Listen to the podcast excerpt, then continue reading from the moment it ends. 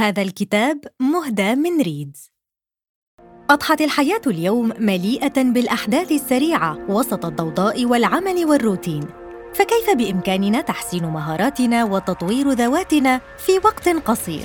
إليكم تطبيق ريدز الذي يوفر لكم ملخصات قصيرة ومفيدة لأشهر وأهم المفكرين في العالم والتي تحتوي على الأفكار الرئيسية لكتاب كامل في عشرين دقيقة. ليس هذا فقط. بل ويقدم لكم أيضاً بودكاستات عديدة في مختلف المجالات وأبرزها على الإطلاق. يمكنكم تحميل ريدز الآن عبر جميع المنصات. توقف عن إرضاء الآخرين وعش حياتك. بقلم جلينون دويل. الفصل الأول. وقعت جلينون دويل في حب امرأة أخرى أثناء الترويج لمذكرات عن زواجها. هل مررت بتجربة غيرت حياتك كلها في سرعة البرق؟ لقد عاشت جلينون دويل تجربة مماثلة عندما التقت بلاعبة كرة القدم الأمريكية أبي وومباك وانقلبت حياتها رأسا على عقب. كانت دويل امرأة متزوجة وكاتبة مسيحية ناجحة.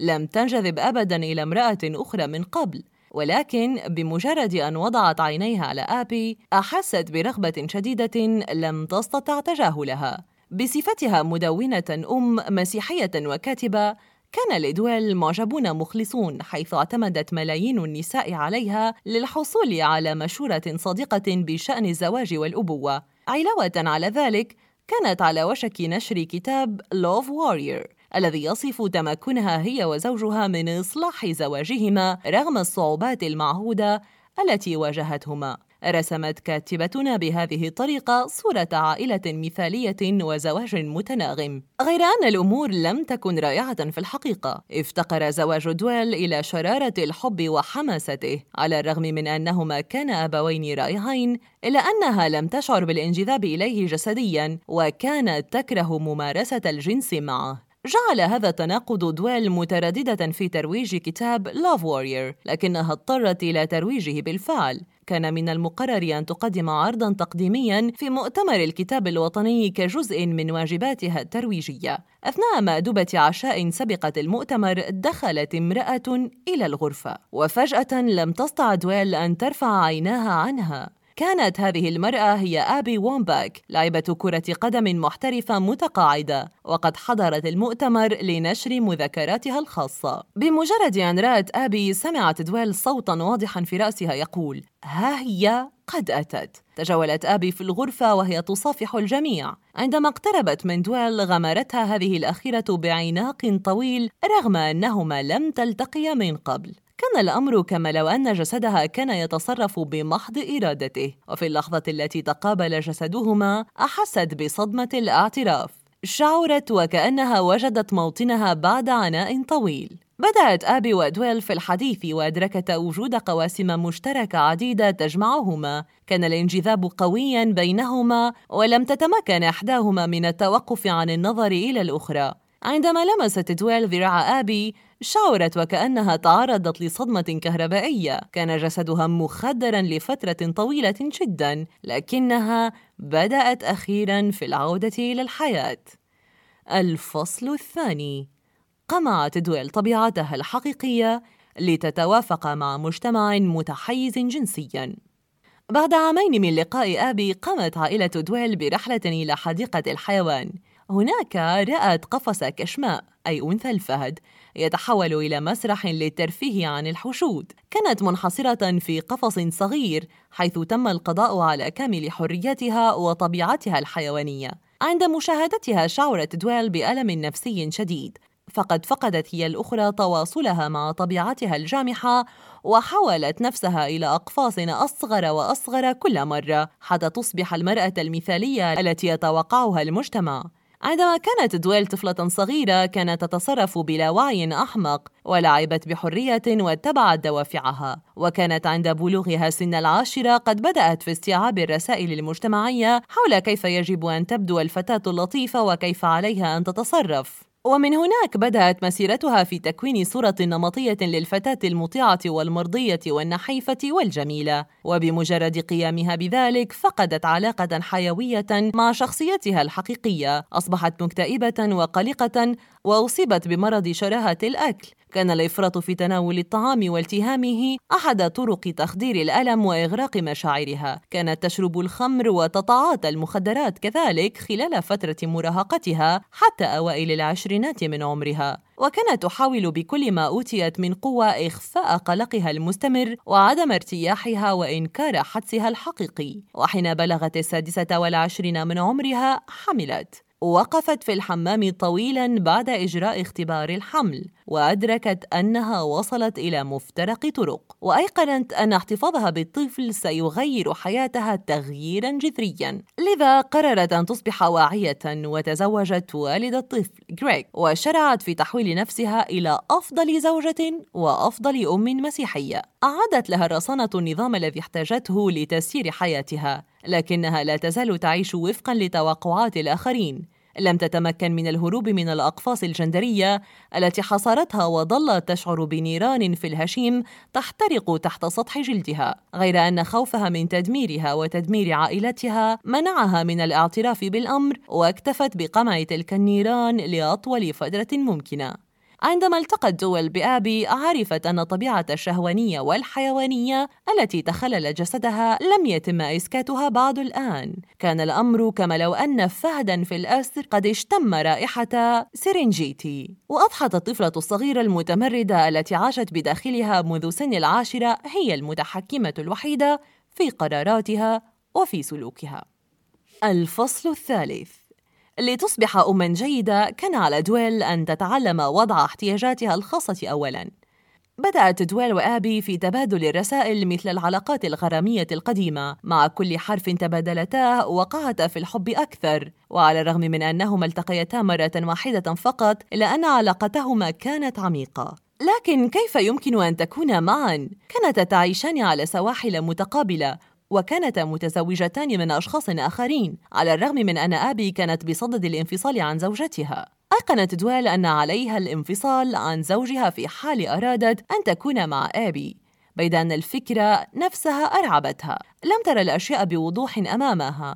ولم تضمن أي شيء وقتها. فضلا عن ذلك كان تفكك عائلتها يتعارض مع كل مبادئ الأم المثالية التي آمنت بها غير أن شيئا واحدا فقط كان من شأنه أن يزيل كامل شكوكها. كيف سيكون موقفها؟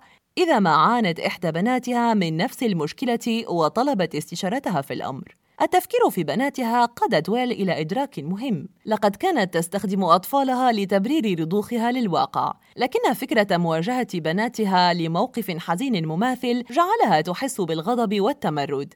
كانت تعلم بناتها عن غير قصد أن على النساء قمع احتياجاتهن ورغباتهن وأن يصبحن ضحايا عائلاتهن. قررت دويل أنها لم تعد مستعدة لعيش زواج حزين حتى لو لم تنجح علاقتها مع آبي. لقد أحست بمشاعر الحب الحقيقي والصادق ورفضت القبول بأقل من ذلك.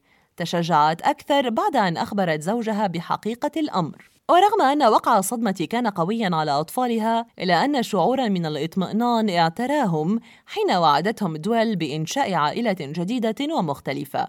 كما أن زوجها لم يحرض أولادها عليها بل وأخبرهم بضرورة المحافظة على نفس نوع العلاقة مع كلاهما. كانت هذه الاعترافات والمواجهات الخطوة الأولى نحو إنشاء عائلة جديدة ومختلطة، وأخيراً وضعت دويل رغباتها أولاً، وكانت صادقة مع الأشخاص الذين أحبتهم كثيراً. بيد أن فكرة الاعتراف بالحقيقة أمام ملايين الجماهير والمعجبين الذين أعجبوا بشخصها القديم وبتفانيها للديانة المسيحية ولزواجها أرعبتها للغاية. الفصل الرابع خرجت دويل إلى العالم على الرغم من التهديدات التي انتظرت مسيرتها المهنية.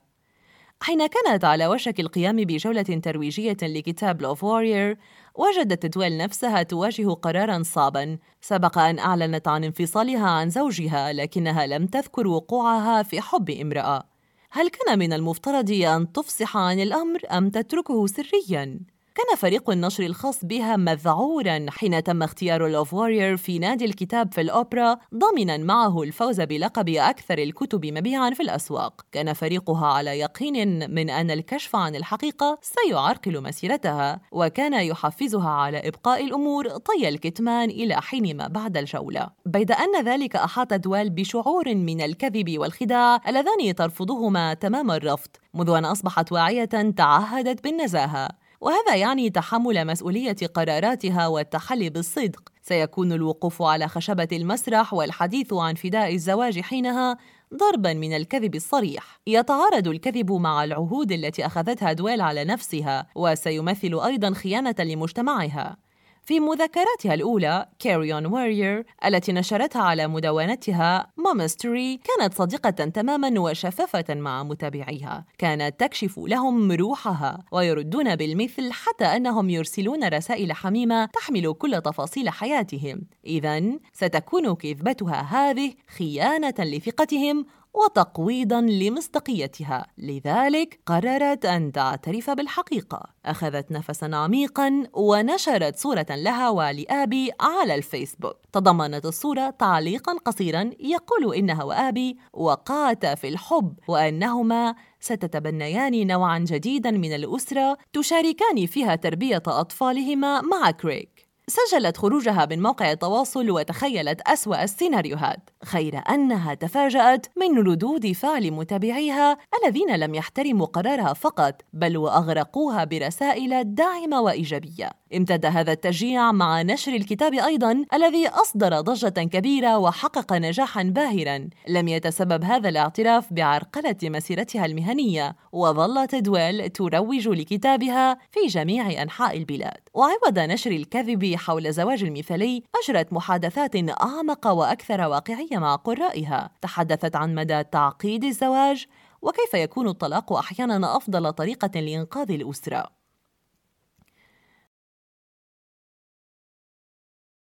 الفصل الخامس. وجب على دويل تعلم الاستماع إلى حدسها لبناء حياة جديدة. كان الاعتراف بالعلاقة علنا أسهل مما توقعته دويل لأن قرارها واجه الكثير من المعارضات. ادعى بعض القادة المسيحيين البارزين أنها تخلت عن إيمانها. وجد الكثير في مجتمعها صعوبة في فهم سبب تركها لزوجها. وأصعب ما كان عليها تحمله هو أن والدتها لم توافق على علاقتها بآبي أبدا. كانت ترى أن والدتها من بين الأشخاص الأقرب إلى قلبها. وأن آراءها مهمة جدا في حياتها لكن إعادة تواصلها مع ذاتها جعلها تدرك مدى خطورة التأثر بآراء الآخرين. علمت دويل أن عليها تطوير طريقة أخذها للقرارات. ولكن كيف؟ ألهمها شعار معين يقول ابقى ساكنا للانسحاب من خزانة في منزلها لمدة عشر دقائق كل يوم. سمحت لها هذه الخزانة بالإنصات إلى صوتها الحقيقي الدفين. في البداية كان الأمر أشبه بالتعذيب شعرت وكأنها مدمنة منشطات تتخلص من السموم لكنها أصرت على العملية. في النهاية تمكنت من الغوص في مكان هادئ للغاية داخل روحها وعقلها. عاش حدثها البدائي البصيرة هناك. كلما كانت قلقة أو غير متأكدة بشأن شيء ما ظلت ثابتة وتواصلت مع بصيرتها التي أغدقتها بدفع ناعم يواجهها. كل قرار اتخذته وقتها جعلها تشعر بجرف من الذهب السائل الدافئ يغمر عروقها في الواقع أصبحت البصيرة دليلاً شخصياً يدوي في أعماقها استخلصت دويل كل المعتقدات الأساسية التي غرست فيها منذ الطفولة متسلحة بحكمتها وسألت نفسها أأنا مؤمنة حق إيمان بالأمر؟ هل هذا مناسب بالنسبة إلي؟ أدركت أن بعض معتقداتها قد عفى عنها الزمن بالفعل فعلى سبيل المثال نشأت على الاعتقاد بأن الجدارة تعني دائما الانشغال والإنتاجية. طغى هذا الاعتقاد على تفاعلاتها اليومية فكانت تشعر بالغضب الشديد في كل مرة ترى آبي مسترخية على الأريكة في منتصف النهار. لكن إدراك أن منظورها للإنتاجية قد تغير جعلها تتجاوز هذه الأحاسيس وتتخلص منها. سبق وناحست دويل في يوم من الأيام باليأس الشديد. وشككت في قيمة نفسها لدرجة أنها استشارت محرك البحث جوجل. عما إذا كان ينبغي عليها البقاء مع زوجها أم لا بعد خيانته لها. اتصالها بحدسها الآن ساعدها على تدارك الأمور وأضحى عدم حشد مصادر قراراتها هو محرك بحثها الجديد. الفصل السادس. فقدت دويل إيمانها بالكنيسة عندما عززت علاقتها بالرب. أثرت علاقة دويل الجديدة على جميع جوانب حياتها خصوصا الجانب الديني منه. كانت عضوا مؤسسا في المجتمع المسيحي لكن علاقتها بامرأة خطيئة لا تغتفر بالنسبة للعديد من المسيحيين. كيف يمكنها التوفيق بين تلك الهويات المختلفة إذن؟ عندما كان أطفالها صغارا كانت دويل تحضر قداسا في الكنيسة. بدأ ذلك رائعا لديها إلى أن أعلن القس ما يلي. أن تكون مسيحيا يعني الإيمان بأن المثلية الجنسية والإجهاض خطايا بلا شك. عندما حاولت مناقشة الأمر معه تعسف في إسكاتها وردد أن الإخلاص في الدين يعني الثقة العمياء بما قيل لها ببساطة وهو ما لم تستطع ابدا الاقتناع به. حتى قبل التنازل عن الكنيسة. ومن هنا طرحت سؤالا على نفسها وخمنت لماذا تسمح للقس أن يكون وسيطا بينها وبين الرب؟ درست دويل الكتاب المقدس وأسرتها قصة يسوع وتفانيه في تحقيق العدالة الاجتماعية. كان يسوع مؤيدا للمهاجرين ومناصرا للفقراء. أمضى حياته في محاولة النهوض بالمجتمعات. فلماذا ترجم الكثيرون رسالته إلى هوس بالتمييز ضد مجتمع LGBTQ مجتمع المثليين الجنسيين ومزدوجي الميول والمتحولين جنسيا ومكافحة حقوق الإجهاض. عندما أجرت بعض الأبحاث اكتشفت دويل أن هذه القضايا لم تصبح بارزة إلا في السبعينات. عندما قررت مجموعة صغيرة من القادة الإنجيليين دفع أجندة سياسية محافظة. أضحى الناخبون الإنجيليون مؤثرين للغاية في السياسة اليوم وهم مسؤولون جزئيا عن انتخاب قادة مثل دونالد ترامب الذي دعم أجندة مناهضة للمثليين والإجهاض. بعد تفكير وبحث عميق قررت دويل عدم التسليم في دينها واستمرت بتسمية نفسها بالمسيحية. بالنسبة لها لا تناقض بين الإخلاص الديني والوقوع في حب شخص من الجنس نفسه. في الواقع تعتقد أن قرارها بأن تكون مع آبي قد جعلها أقرب إلى الرب إنها تؤمن أن الله يعيش بداخلها في تلك المعرفة العميقة والرحيمة الوقوع في الحب هو جزء مما سمح لها بإعادة الاتصال بهذا الصوت الداخلي. على الرغم من أن علاقتها مع الله قد نمت بقوة إلا أنها أصبحت أكثر تشكيكا في الدين المنظم. لن تقبل بشكل أعمى أي نسخة من التعليم الديني تطلب منها تخدير أسئلتها النقدية وشكوكها الشخصية، لكنها ستظل دائما مؤمنة وستواصل الكفاح لتكريم قصة يسوع من خلال التزامها بالعدالة الاجتماعية. الفصل السابع. قبول الألم والمعاناة سمح لدويل باستخدام جميع حواسها وتعميق أحاسيسها. عندما أرادت ابنة دويل الكبرى تيش أن تجرب الانضمام لفريق كرة القدم غرق قلب وتفكير دويل في القلق والتوتر. كانت تيش حساسة وسهلة الانزعاج ولم تكن رياضية البتة. خشت عليها دويل من الحسرة والحزن في حالة في حال أن يرفضها الفريق. لكن آبي كانت مقتنعة بإمكانياتها وشجعتها على التجربة. نظمت آبي نظاما رياضيا شاقا لتيش ورغم تذمرها الشديد والمتواصل إلا أنها لم تتخلى عن حلمها وواصلت التدريب دون انقطاع. كانت النتيجة أنها نجحت في الانضمام إلى فريق كرة القدم مما أثار دهشة الجميع وسعادتهم. كادت دويل أن تحرم ابنتها من هذا الانتصار والنجاح بسبب الخوف والقلق اللذان تسبب في العديد من آلامها على مر السنين. حاولت دويل حماية نفسها من الألم لمدة 16 عاماً وأغرقت مشاعرها بالمخدرات والكحول. هذا التخدير المقصود لم يسمح لها بفقدان الناس من حولها لأنها لم تكن قادرة على التعرف عليهم من الأساس. كانت خائفة جدا من الألم وخيبة الأمل لدرجة أنها طمست ملامح مشاعرها. عندما انقطعت عن المخدرات والكحول بدأت في مواجهة مشاعر الألم والخوف التي خبأتها لسنوات. أدركت أن مشاعر الخوف والسعادة والقلق دلالات على أن الإنسان لا يزال على قيد الحياة. وباتباع شعار أدركته على جدار فصل دراسي درست يمكننا القيام بأشياء صعبة بدأت في تقبل جميع أنواع المشاعر وتركت قلبها مفتوحا قصد تجاوز الألم. تألفت مع آلامها وأصبحت أكثر تعاطفا مع نفسها ومع من من حولها. بدلا من الابتعاد عن الظلم الاجتماعي والكوارث استخدمت حسرة القلب واليأس لتحفيز نفسها والآخرين على العمل. أسست دويل منظمة Together Rising غير الربحية بالتعاون مع أصدقاء موثوق بهم. تجمع المنظمة الأموال لدعم الأشخاص الذين يقاتلون من أجل التغيير في جميع أنحاء العالم تمكنت المنظمة في آخر المطاف من جمع أكثر من 20 مليون دولار باستخدام نموذج تبرعات القاعدة الشعبية بمتوسط بمتوسط تبرع يبلغ 25 دولاراً. لا يفيد مشروع Together Rising أولئك الذين يتلقون تمويل فقط بل ويساعد المتبرعين والمتطوعين أيضا حيث يحصلون على فرصة لتحدي طاقاتهم ويرون أهمية المواجهة والتعاون في تخطي المصاعب والآلام. الفصل الثامن. كان على دويل أن تواجه عنصريتها كي تتخلص من الخلفية السامية لتفوق البيض. عندما ازدادت العنصرية والعنف ضد أصحاب البشرة الملونة في أعقاب انتخاب دونالد ترامب كانت دويل متحمسة لتعليم بناتها الحقوق المدنية. عندما درسوا صورة لاحتجاج أظهر حشدا من نشطاء الحقوق المدنية من السود وامرأة بيضاء وحيدة تحمل لافتة احتجاج. سألت ابنتها الصغرى عما إذا كانوا سيذهبون إلى المسيرة. كادت دويل أن تجيب بنعم عندما ردت ابنتها الكبرى. لا!